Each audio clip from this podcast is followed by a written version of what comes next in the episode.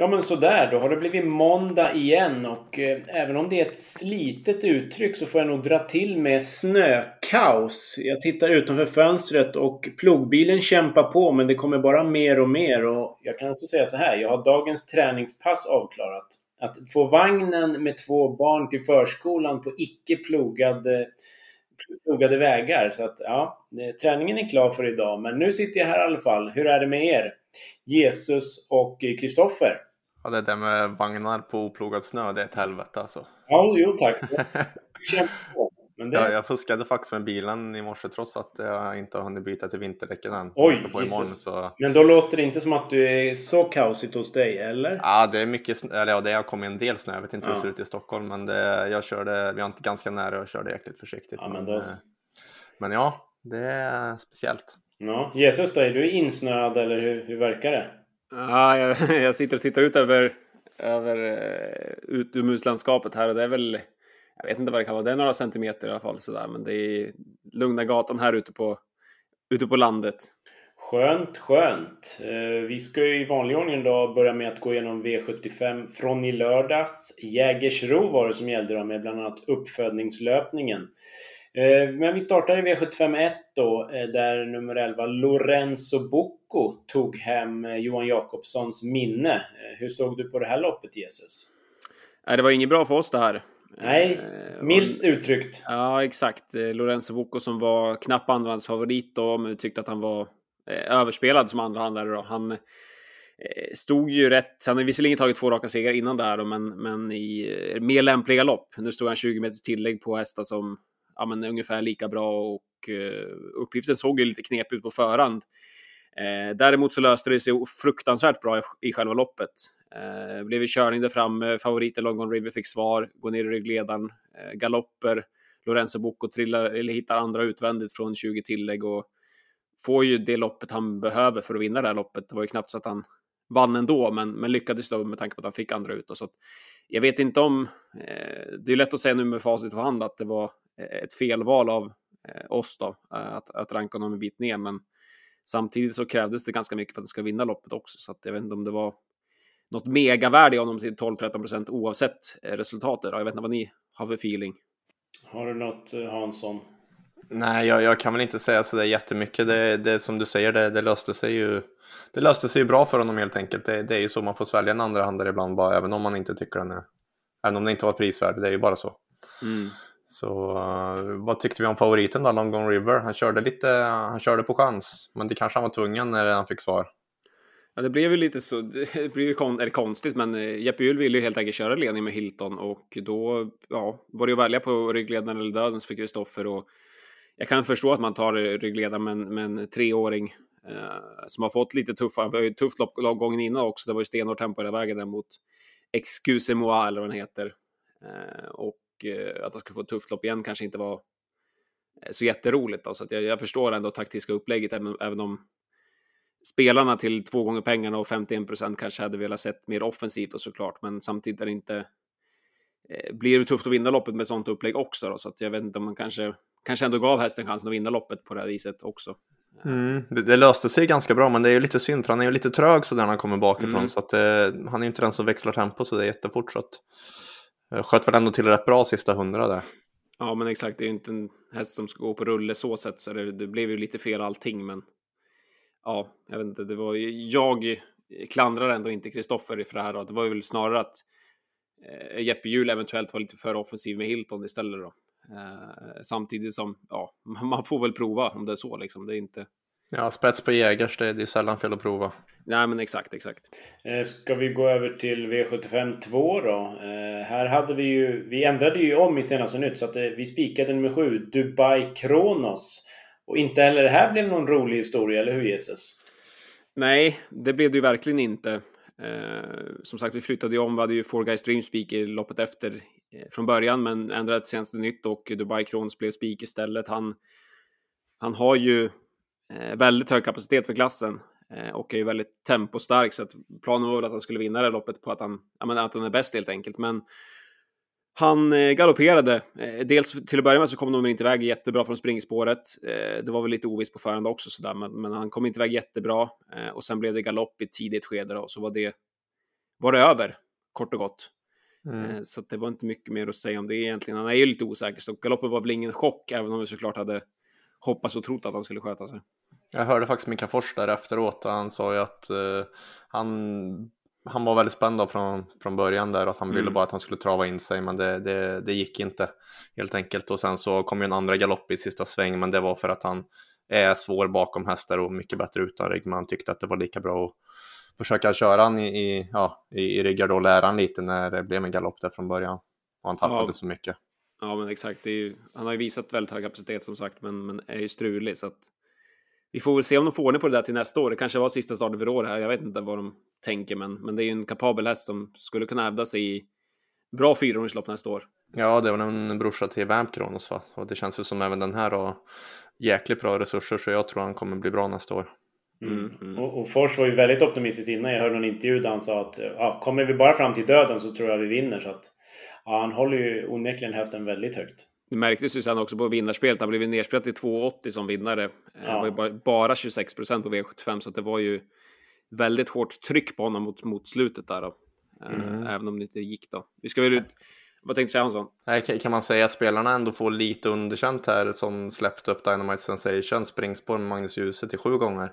Ja, det är ju... Eh, Man, man känner sig som en idiot efteråt på, ja, på vis. det, det, det är ju lite rätt så att man gör det. Det var ett jäkla fint intryck på den tyckte jag. Eh, Bara spänstig hela vägen och ja, men gick undan på fint vis.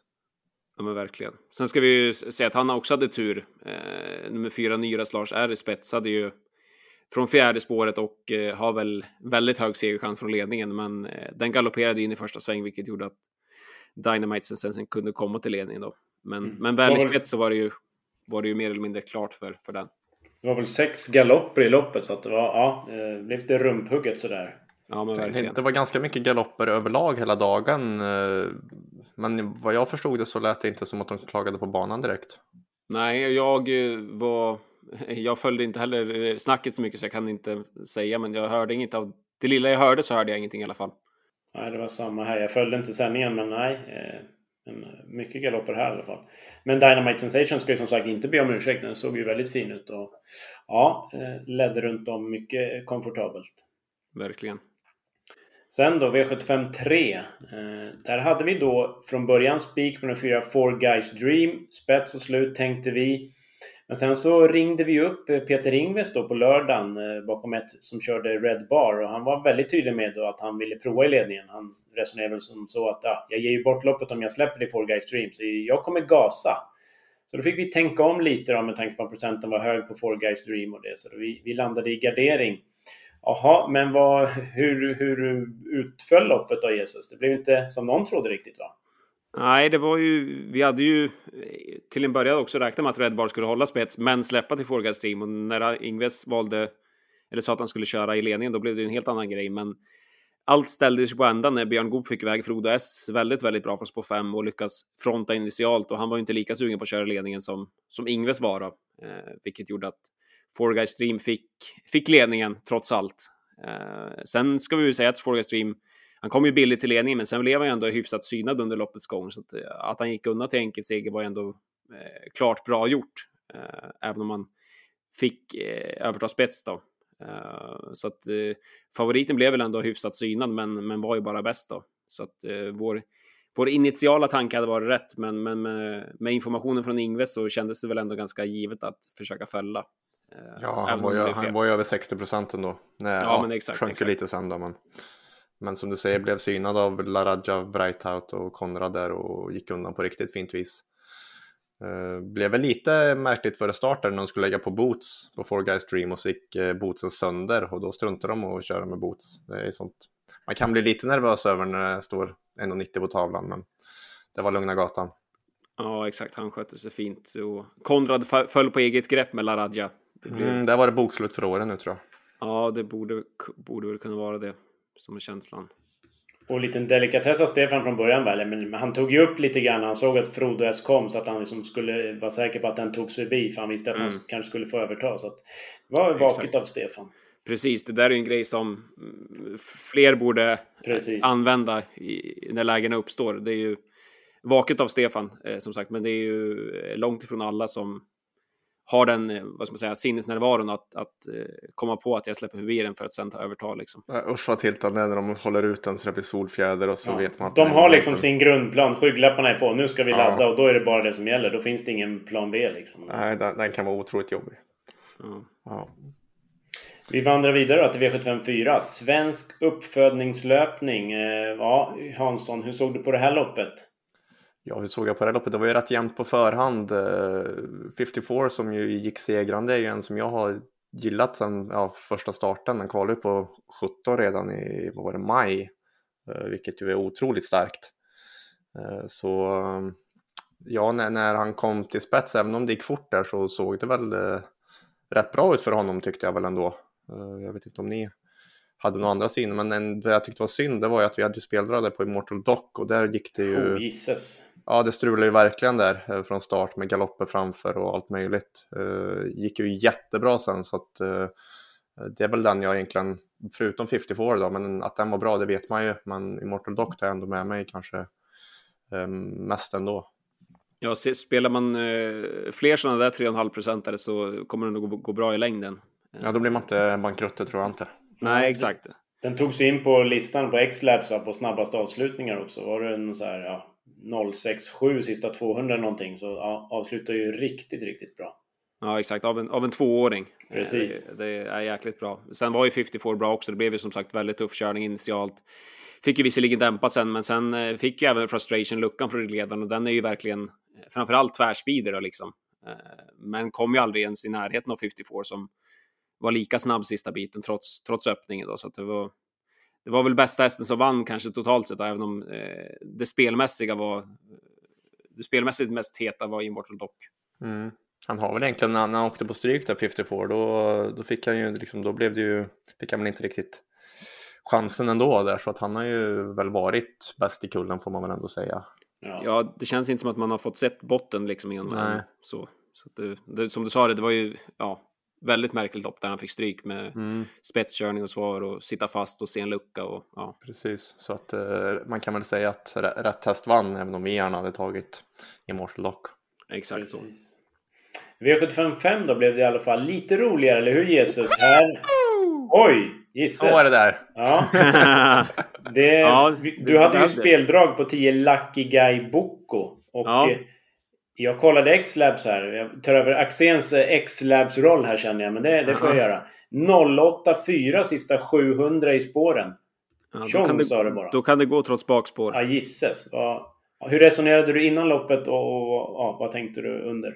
Nej, men det var ju ett väldigt härligt intryck. Ja, ja, innan loppet så resonerade jag väl så att eh, jag tyckte att nummer 5 Heartbeat Julie var en motiverad favorit, men att ja, men hon blev ju favorit också då, och värdet låg ju framför i Lucky Guy Book och han Gick ju med bike första gången sist på Åby eh, i ett V75-lopp där och eh, höll ju jätte, jättebra fast han fick stryk mot Triton den gången. Eh, sen hade han ju varit borta ett tag inför det här, eh, knappt en och en halv månad och även varit sjuk under uppehållet, då, vilket gjorde att formen var ett frågetecken. Eh, dock hade han ju varit ute i ett provlopp på Jägersro, ja, men vad kan det ha varit, typ tio dagar innan, innan den här starten då och jag kollade på det provloppet, han såg ju eh, jäkligt taggad ut i, i det. Eh, det var ett eh, väldigt fint intryck. Visserligen bara på 15-1600 meter då, eh, men intrycket var väldigt bra. Det blev maxat i balansutrustningen med barfota och bike och ja, men till den här procenten så var jag beredd att, som man brukar säga, ta risken att, att formen skulle saknas då. Jag tyckte att om man håller en vettig form så skulle han ha en bra chans att ja, men blåsa runt de här. Jag tycker han har varit så bra tidigare Eh, framförallt senast då, och sen så tycker jag han är allra bäst i ryggar också, eller går bakifrån. Han gick ju i ledningen sist. Och eh, ja, men det, han fick ju gå på först i tredje spår, så han fick ju liksom ingenting gratis, men eh, det kändes bra hela vägen egentligen.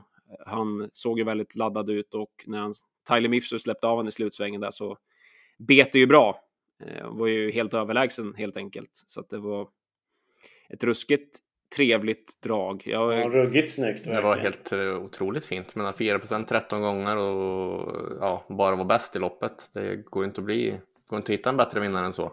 Nej, exakt, exakt. Så det var extra kul också. Jag, den här tävlingsdagen så, eller i lördag så var ju jag på, på Gävletravet. Eh, de hade ju en, en tillställning där kan man säga att eh, med V75 på storbild under dagen och sen egna tävlingar V65 på kvällen. Eh, och jag var gästade där som ja, spelexpert och varnade för den här där, så det var ju extra roligt att den kunde få vinna också. Att, Annars hade vi fått 20 gånger med andra ord. Ja, exakt. Det kanske var det som gjorde att den gick ner lite odds då, men, men det var ju väldigt, väldigt kul att få, få bjuda på ett sånt drag eh, under en sån tillställning. Då. Så det, var, det var väldigt kul att den kunde vinna, framförallt med tanke på att starten på V75 inte hade varit som bäst. Eh, så att, ja, Ja, jag tyckte den där var ruskigt snygg. Sen var jag så glad också för jag hade, jag hade spelat den på fasta och då hade jag först spelat den till 15 gånger. Sen höjde de till 17 gånger så fick man spela en gång till. ja, då är det speltvång. Ja, det var himla roligt alltså. Ja, ja. Tog du med dig någonting bakom Hansson eller? Nej, jag, jag, du, du jobbade bara, jag, jag såg bara in häst Jag förstår det. Samma här ungefär. det var så här som man kan göra ibland när man ser lopp så här och kör extra ljus på en häst. Det var bara det hela vägen liksom. Exakt så. Det var kul. Verkligen. Då går vi över till eh, DD-spelet då, V75 6. Och här smällde det till. Och ja, Magnus A. Ljuse läser vi. 3-procentaren Seventh Heaven. Mm. Vad, vad, säger du om loppet Jesus? Nej, men jag hade ju den här en, en bit ner. Det var ju liksom bara ett streck om man garderar brett eh, för min del. Och det var ju så här i efterhand som man blir så här, ja. Han är ju otrolig Magnus. Eh, han lyckas ju på något vis. Den här hästen har ju liksom inte på slutet tycker jag inte men det, det sista lilla har fattats. Eh, sista udden då. Och nu visserligen så löste det sig bra och ja, men behövde väl liksom inte vara kriga till sista blodstoppet för att vinna så sett. Men jag tyckte ändå det var bättre intryck sista biten och hon avgjorde ju säkert också. Eh, vi ska väl säga att eh, vi spikade ju det här loppet, hade omgångens bästa spikar i tre för Lindburger Heide. Eh, hade fått Där hade man väntat sig mer va? Ja, alltså det, ja exakt. Det, dels det, det hade väntat mig mer och sen så blev det ju fel också. Jag vet inte, hon... Eh, till att börja med så hade hon ju pausat lite inför senast, fått ett lopp i kroppen och skulle ju vara riktigt bra nu. Eh, Hans Grevas var ju klart uppåt. Eh, var ju först anmäld barfota bak, vilket hade varit optimala, men det blev ju skor runt om till loppet. Det var väl lite minus där på förhand, men samtidigt så tyckte jag att hon fortfarande var väldigt het, eh, trots skor runt om då. Eh, sen kom hon inte iväg så bra från start, hamnade utvänt ledaren. Vilket i och för sig inte var, ja, jag hade räknat med att det kunde bli dödens. Eh, men det jobbiga var ju att hon hade dels Candlewick i spets och så fick hon ju Palmyra i andra utvändigt från 20 tillägg. Så att det blev ju eh, inte så bra som det kunde bli då, helt enkelt. Och sen så när Palmyra kastade loss på långsidan så hade Lindburgar inte speeden för att svara. Eh, och då var det ju kört liksom. Sen så krigade hon på rätt bra där bakom och blev väl, ja, plockade ner Candlewick exempelvis då, men Mm. Var ju aldrig segeraktuell, så det var väl okej, okay, men, men eh, ja, det blev fel totalt sett kan man väl mm. säga. Det var ju synd att han inte fick iväg bättre från start för de var ju inte så himla snabba från springspår. Nej. Så hade han bara lyckats lossa iväg henne där då, då hade det nog blivit ett helt annat lopp där. Ja, exakt. Det blev, blev, blev fel. Uh, Seventh Heaven som sagt vann ju loppet och Palmyra kan man ju tycka kanske det borde vunnit loppet på ett vis. Hon fick ju bra lopp andra ut och sen kunde kasta loss. Samtidigt så har hon ju lite, ja, fick gå hyfsat tidigt och över medeldistans så att det tog emot till slut och dessutom hade hon ju inte startat på en och en halv månad innan det här loppet då, så att hon var väl kanske inte helt på topp så då, men även om hon gjorde ett bra lopp ettan, Only Angelica OC, tog jag med mig. Den fick ju inte chansen. Såg tankad och fin ut. Den, ja, den kan man nog följa. Flagga jag har hört att man kan göra någon gång på ATG. Det, mm. någon, en, någon enstaka gång har jag hört ordet flagghäst på sistone. Det, så där kan det har gått in nu. Det har ja, gått in nu. lite så. Ja. Ska vi säga något mer om V756 eller ska vi gå vidare? Nej, jag hade inget mer i alla fall tror jag. Eller ja, Melby Ingel, Melby Ingel var väl lite positiv med barfota igen och sen första norsk på den. Mm. Även om det där sista lilla saknas där också. Yes, eh, V75-avslutningen då då. Niofälten Swarovski var bara starkast och du hade ju tippat det här loppet Jesus. Vad, vad säger du om hur det blev? Nej, men det var väl ganska väntat, eh, i alla fall utgången av loppet, för jag tyckte att Fälten Swarovski var en motiverad favorit. Eh, la den i A-gruppen och sådär. Sen rankade ju dock Love No Pain överst på att ja, men det var lite bättre värde än helt enkelt. Och det såg väl ut som att hon skulle vinna 300 kvar, 200 kvar typ? Ja, det gjorde ju verkligen det. Hon eh, är ju väl normalt sett väldigt spurtstark och fick gå med i draget och hade ju inte speciellt långt fram till Fälten Swarovski i utgång och sista sväng. Det var ju bara en eller en par längder liksom. Ja, och norsken kvar och såg stark ut. Precis, och det, ja, men in på upploppet så kändes det som att de skulle vinna, men sen ja, kort senare, där 150 kvar, så började hon väl, jag vet inte om hon tappade travet eller om hon började tveka lite, jag vet inte vad. Hon började kränga ner i alla fall. Ja, så. kanske inte var helt samma skick som i gången innan då hon var ruskigt fin då vid segern. Eh, att det kanske var lite bakslag nu efter efter två raka segrar, men ja, hon gjorde väl det alltså, totalt sett helt okej. Okay. Hon var ju fyra och inte allt för långt efter i mål, men, men jag hade väl eh, med mina förväntningar på hästen så hade jag väl hoppats att hon skulle spurta ner dem. Ja, det, det var tur att man fick spela live 400 kvar i Jesus va? För då, ja. då hade inte huset stått kvar. Nej, exakt, exakt. Nej, det var... Ofta är det tur att man inte får spela live. Ja, ja exakt. Det, det är lurigt. Lurigare än man kan tro. Uh... Vad säger vi om två Juvaraj apropå intryck? Mm, Jättefin. Det var väl, var det fjärde bike i karriären eller något sånt där eller? Ja, exakt. Och det var ju det, det, det, eller roliga, men att hästen har ju inte fått någon effekt på varken bike eller barfota resultatmässigt tidigare. Eh, var visserligen vunnit en gång med bike, men framförallt barfota runt om så, så har han gått så sex gånger tidigare och galopperat fem av dem. Eh, så det har inte varit någon framgångssaga tidigare, men nu var det ju verkligen att eh, man fick effekten när man eh, drog skorna och satte på biken samtidigt. Den gick ju, sköt till väldigt bra som tvåa. Tyvärr var den väl lite för uppenbar så det trillade nog in några flaggningar där. Exakt, många flaggor där. Men, eh, men likväl så var det ju en fin prestation och den blir nog att Fortsätter den på den här vägen, den har ju blivit stadigt bättre och bättre nu i ny regi, så att fortsätter den på den här vägen så finns ju det finns ju kapacitet i hästen. Eh, och han är ju bara fem år, snart sex då, så att det, det kan bli eh, ännu bättre där. Mm. Ja, den eh, blir spännande att följa. 7 rätt då, betalade 154 115 kronor och vi var ju inte nära då, men som sagt, Lucky Guy Boko piggade upp i mörkret i alla fall. Eh, sen eh, under söndagen i Frankrike så avgjordes ju Prix de Bretagne. Och vi har ju en icke självutnämnd Frankrike-expert i gänget så att eh, jag låter väl bara rulla ut röda mattan till Jesus som får ta över här. Vad, ja, vad säger du om loppet? Ja, tack och tack. eh, nej, men det, det, vad ska man säga om det där loppet? Det var väl, ja, till att börja med så var det ju eh, tråkiga, ja. det föranleddes ju av tråkigheter. Eh, såklart. Men Gallius. Ja, ja, men exakt. Mm. Som eh, fjolårets knappt slagna tvåa i Prix d'Amérique eh, har hastigt gått bort. Eh, det är väl inte helt exakt fastställt vad orsaken var, men, men man spekulerar väl i någon form av, jag vet inte vad, någon förgiftning eller, förgiftning eller allergisk reaktion eller jag vet inte vad. Men det låter ju väldigt suspekt. suspekt. Ja. ja. Men ja, vi får väl se om det kommer någon klarhet i det där. Oavsett så var det, är det extremt tråkigt för den.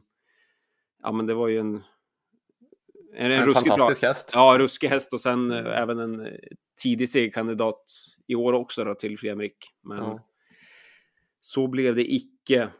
Uh, ja, loppet då. Ja, det, jag tyckte att det var ganska jämnt på förhand. Vi hade ju Ampia med SM som en ja, men, hyfsat klar favorit i slutet då och hon gjorde väl det helt okej, okay, men ändå om man ska vara en het segerkandidat till Prix så kan man väl kräva ännu lite mer. Hon fick ju ge, ge vika över upploppet eh, helt enkelt och spurtade seger istället. Nummer två, Hiphop och For då som eh, kommer lite underifrån kan man väl säga. Han, eh, nu har han väl visserligen varit i tuffa gäng på sistone då, men i sammanhanget bara sprungit in strax under tre miljoner innan det här loppet. Eh, men däremot visat väldigt, väldigt fin form innan det här loppet. Då. Han spurtade ju sylvass som trea senast eh, och kom bort i kön gången innan i femåringskriteriet Eh, på, på då, Så att, eh, han har visat jätte, jättebra form eh, och eh, fick ju loppet bra kört också. Fick rygg i tredje spår och det är sånt där, där lopp han ska ha, att han får ligga med i draget och sen avsluta väldigt starkt. Så det var en fin vinnare. Han var ju också eh, andrans favorit på spelet, då, så det var ingen eh, chockerande segrare. Själv så hade jag eh, faktiskt spelat lite på nummer sju, Hussar du Landré vinnare plats och det var ju mindre roligt. Eh, dels så fick han ju dra fram hiphop Afor och blev ju tvåa i mål, men sen blev han nedflyttad som femma eh, i efterhand då, för att han hade stört nummer 17 Flam de Gautier på upploppet. Eh, alltså från sidan sett så kändes det väldigt hårt, men jag har inte sett bilderna framifrån hur, hur det var så, där, så jag ska inte säga för mycket, men det, men det var det var surt för min del i alla fall och gissar också att det var surt för kretsen kring Husadul och André. Minst sagt, Prix plats och allt. Ja. ja. exakt. Han vann ju femåringskriteriet näst senast och eh, ja, men, är ju en häst som också eh, skulle kunna vara långt framme i Prix eh, Han gjorde en bra prestation också som tvåa i mål då, även om det blev femma till slut. Eh, vad ska vi säga mer? Ja, Italiano... Rackham hoppade den direkt? Ja, det kan vi säga exakt. Rackham hoppade omgående, så att, eh, där fick vi ingen syn på vad han kunde göra i det här loppet. Eh, startgalopp där. Eh, tvåa i mål, eller trea i mål då, men, men blev tvåa. Nummer 15, Italiano Verå, fick ju en, en plats i Prix d'Amérique då, fyraåring. Han har ju också gjort det väldigt, väldigt bra. Sen så tycker vi att det kanske det där lilla sista saknas eh, för att han ska kunna vara en jättehet segerkandidat i ett d'Amérique men samtidigt om man får ett lopp på rulle så är han ju väldigt snabb då, så det är inte helt, helt uteslutet. Jag tycker det känns som han skulle passa utmärkt i Norden. Ja, exakt. Han är ju mer, om man ser till den generella franska hästen eller bland topphästarna så är han mer snabb än stark. Mm. Och eh, som du säger där, honom ja, men ett 1600 meters lopp eller 2-1 lopp i Sverige känns ju ja, som då, något som skulle passa väldigt bra. Det skulle vara otroligt kul att se han i, i storloppen nästa säsong. Ja, men Elitloppet, det hade ju varit ja. fantastiskt kul. Sen är, har jag absolut ingen aning om vad kretsen kring hästen tänker om kring Det, det är en hingst efter Ready Cash och man kan väl, den har väl säkert av väl i, i det, är väl så. Men, det är väl så. Det är väl så. Det hade varit kul. Man kan ju få spekulera i alla fall. Verkligen. Att, I att det, det borde passa. Eh, Flandy Gautier kan vi också nämna då, gick, gick också rätt bra i skymundan där då. Eh, hon som fungerar både i Monté och eh, för Sulky. Väldigt, väldigt bra. Hon, är ju, hon vann väl, om jag inte helt utcyklad nu, så vann hon ju vann hon ju Prix de Cornier i fjol. Eh, så att hon är rätt bra. Mm. Ja men perfekt, då har vi sytt ihop Frankrike i säcken också. Strålande. Eh, vi går över till lite frågor då från lyssnare. Eh, signaturen Snäll Häst säger så här. Intressant fråga. Eh, jag vill utvecklas som spelare men det är svårt med heltidsjobb, familj och begränsad budget. Har ni tips på steg ni tog när ni gick från lekmän till proffs? Ska man satsa sin dyrbara tid på att börja med travfakta, bli bättre på reducering eller kanske spetsanalyser eller rent av annat? Ja, Jesus. Ja du, det där med familjeliv har inte jag kommit in i än, så den Nej. biten, eh, vad det medför för, för hinder, det, det, det, har ni bättre koll på. Men... Jo, det, det tar lite tid. Det, det tar på psyke och eh, tar tid. De säger det i alla fall.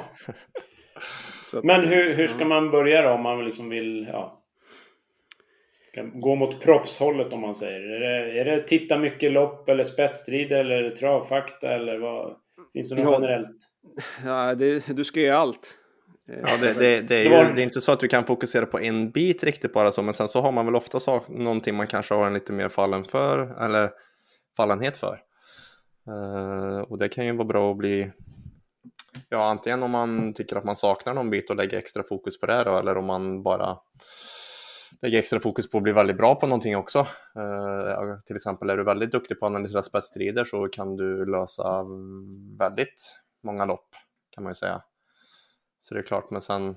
Och baka in tvillingspel där också, eller hur? Med spets och ryggledare om man nu fokuserar ja, på den Ja, precis. Biten. Så det, det beror ju lite på vad, vad, vart man ska börja. Det är väldigt lurigt. Travfakta är ju en bra Uh, väldigt bra sak att, att ha uh, för att du kan få lite lite statistik som, jag gillar, älskar ju startintervallet till exempel, jag tycker att den är, är jättevärdefull att ha på eh, många hästar. Sen går ju det att kolla manuellt, men har man begränsad tid så, så går det ju fort helt enkelt att slippa sitta och räkna på hur hästar har gått efter uppehåll och så. Eh, så att, ja, och bli duktig på att se utrustning så att det faller dig naturligt när du kollar på loppen så att du inte du inte missar att det är första norskt eller att han gick så bra till slut för att de drog tussarna första gången eller att det var en bike utan att det faller lite naturligt när du ser loppen där. Var frågan så att man, att man har begränsad tid? Att det, att det är det som är... Ja, det är svårt med heltidsjobb, familj och, och budget också. Så tiden och budget också eh, är mm. det svåra. Mm, och få upp budgeten, det är jättebra att använda sig av, av fasta odds och, ja, och, och få upp spelbudgeten där. Det brukar vara det enklaste biten att jobba upp den. Ja, exakt. Och då, precis, och då se till att vara påläst någon eller ett par timmar innan tävlingarna. Eh, alltså vara var klar då så att säga, så man vet var man ligger någonstans. Tills när fasta oddsen släpps liksom, så man är med där. Mm. Eh, så att man ja, men vet vad man tror redan, redan då så att säga och inte behöver plugga hela vägen fram till spelstopp innan man är klar. Liksom. Mm.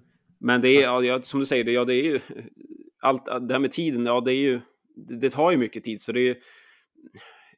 Men som vi sa här också, spetsstriden är ju. Jag tror om man inte fuskar med den så jag tror det, det är då, då man får mycket. Man får ju oftast en betydligt klarare bild för hur loppet kommer gestalta sig och då, då är man. Då kommer man ganska långt på det. Mm, och sen får man ju lägga ordentligt krut på på den, på välja ut kanske två omgångar i veckan då och lägga krut Så är det också, verkligen, verkligen. Du kan ju inte hålla på och hatta överallt för då blir ju allting bara en soppa. Nej, exakt. Men sen, sen är det också så här, ja, jag, jag tycker ju personligen att det är lättare att vinna eh, ja, men typ på luncherna, alltså så här, när det är lite lägre klass och lite större skillnad på hästarna. Eh, och har man inte ambition om att vinna eh, ja, men 20 miljoner då, så tycker jag att det är enklare för min del att vinna på, på, på eh, vardagstravet än på V75 exempelvis. Samtidigt, ja, på V75 får du ju mer information serverad gratis i alla tänkbara medier och ja, men överallt liksom. Så det är både och det där. Det beror helt på vilken man, vilken typ man är så att säga. Jag, jag det, är, mm. ja, det är svårt om man ja, begränsad tid. Mm. Sen har han fullt med, det är ju så att det är inte alltid så lätt att ha få, få spela på alla spelbolag, men har man den möjligheten så tycker jag ju att eh, lägga mycket krut på V86 och vara med när de fasta oddsen släpps där, då kommer du att göra riktiga kap och väldigt snabbt få upp din budget om du har eh, lite fallenhet för det här. Mm. För det tycker jag är där spelbolagen, de som sätter fast odds, ligger eh, helt klart mest fel. Ja. Det är min personliga Jo, men de går väl mycket på procenten och som justeras en hel del sen fram till spelstopp. Är det inte lite så? så ja, det, det, det är ju... Jag menar, V86 kan vi ha en 20-procentare vid, vid ett på dagen och sen så kan den vara 57 ungefär ja, när 2030. Så att där går det att göra jättekap och då snabbt få upp en, en budget och kunna fokusera på lite andra saker. Ja, det kan hända sinnessjukt mycket på, från förmiddagen till kvällen på V86. Alltså när, ja. när hela... hela... Djungeltrummorna bara ja, går exakt. varma allihopa snöar in på samma häst och då sticker den. Så då kan du sitta på en 6-oddsare som står 1,70 på banan och då, då har man i alla fall, sitter man på rätt sida boken. då borde man gå plus i längden. Mm. Borde det. Jaha, är vi nöjda så? Det är som sagt ja, inte är... helt lätt, men ehm, ja, spetsstrider och baka in lite tvillingspel och så där kanske kan vara en början. Ja, det är ja, som sagt svårt, men, men ja. Det har vi sagt lite grann i alla fall. Tvillingspelen är ju ett väldigt bra instrument på, på ATG måste man säga. Mm. Ja. Men just det där exakt spetsstriden, alltså, ofta på nej, när, det är, när det är V75 och V86 så kanske det är väldigt analyserat spetsstriderna och att det liksom man får inga så här alltså det är ofta inbakat i oddset att, att, att de är de mest troliga till spetsryggledarna och så vidare. Men tar du en vanlig, en vanlig vardag så kan du ju hitta några som borde sitta i spetsryggledaren och ändå att du får ett eh, odds som inte ja men att den står i 50 gånger fast den borde stå i 20 gånger liksom. Så, så det, det, finns, det går att hitta eh, sådana där riktigt fina, fina tvillingar, framförallt på spets och ryggled. Eh, Göran Sell, han säger så här. Hej, jag har spelat på travet sedan man lämnade in fredag eftermiddag på posten.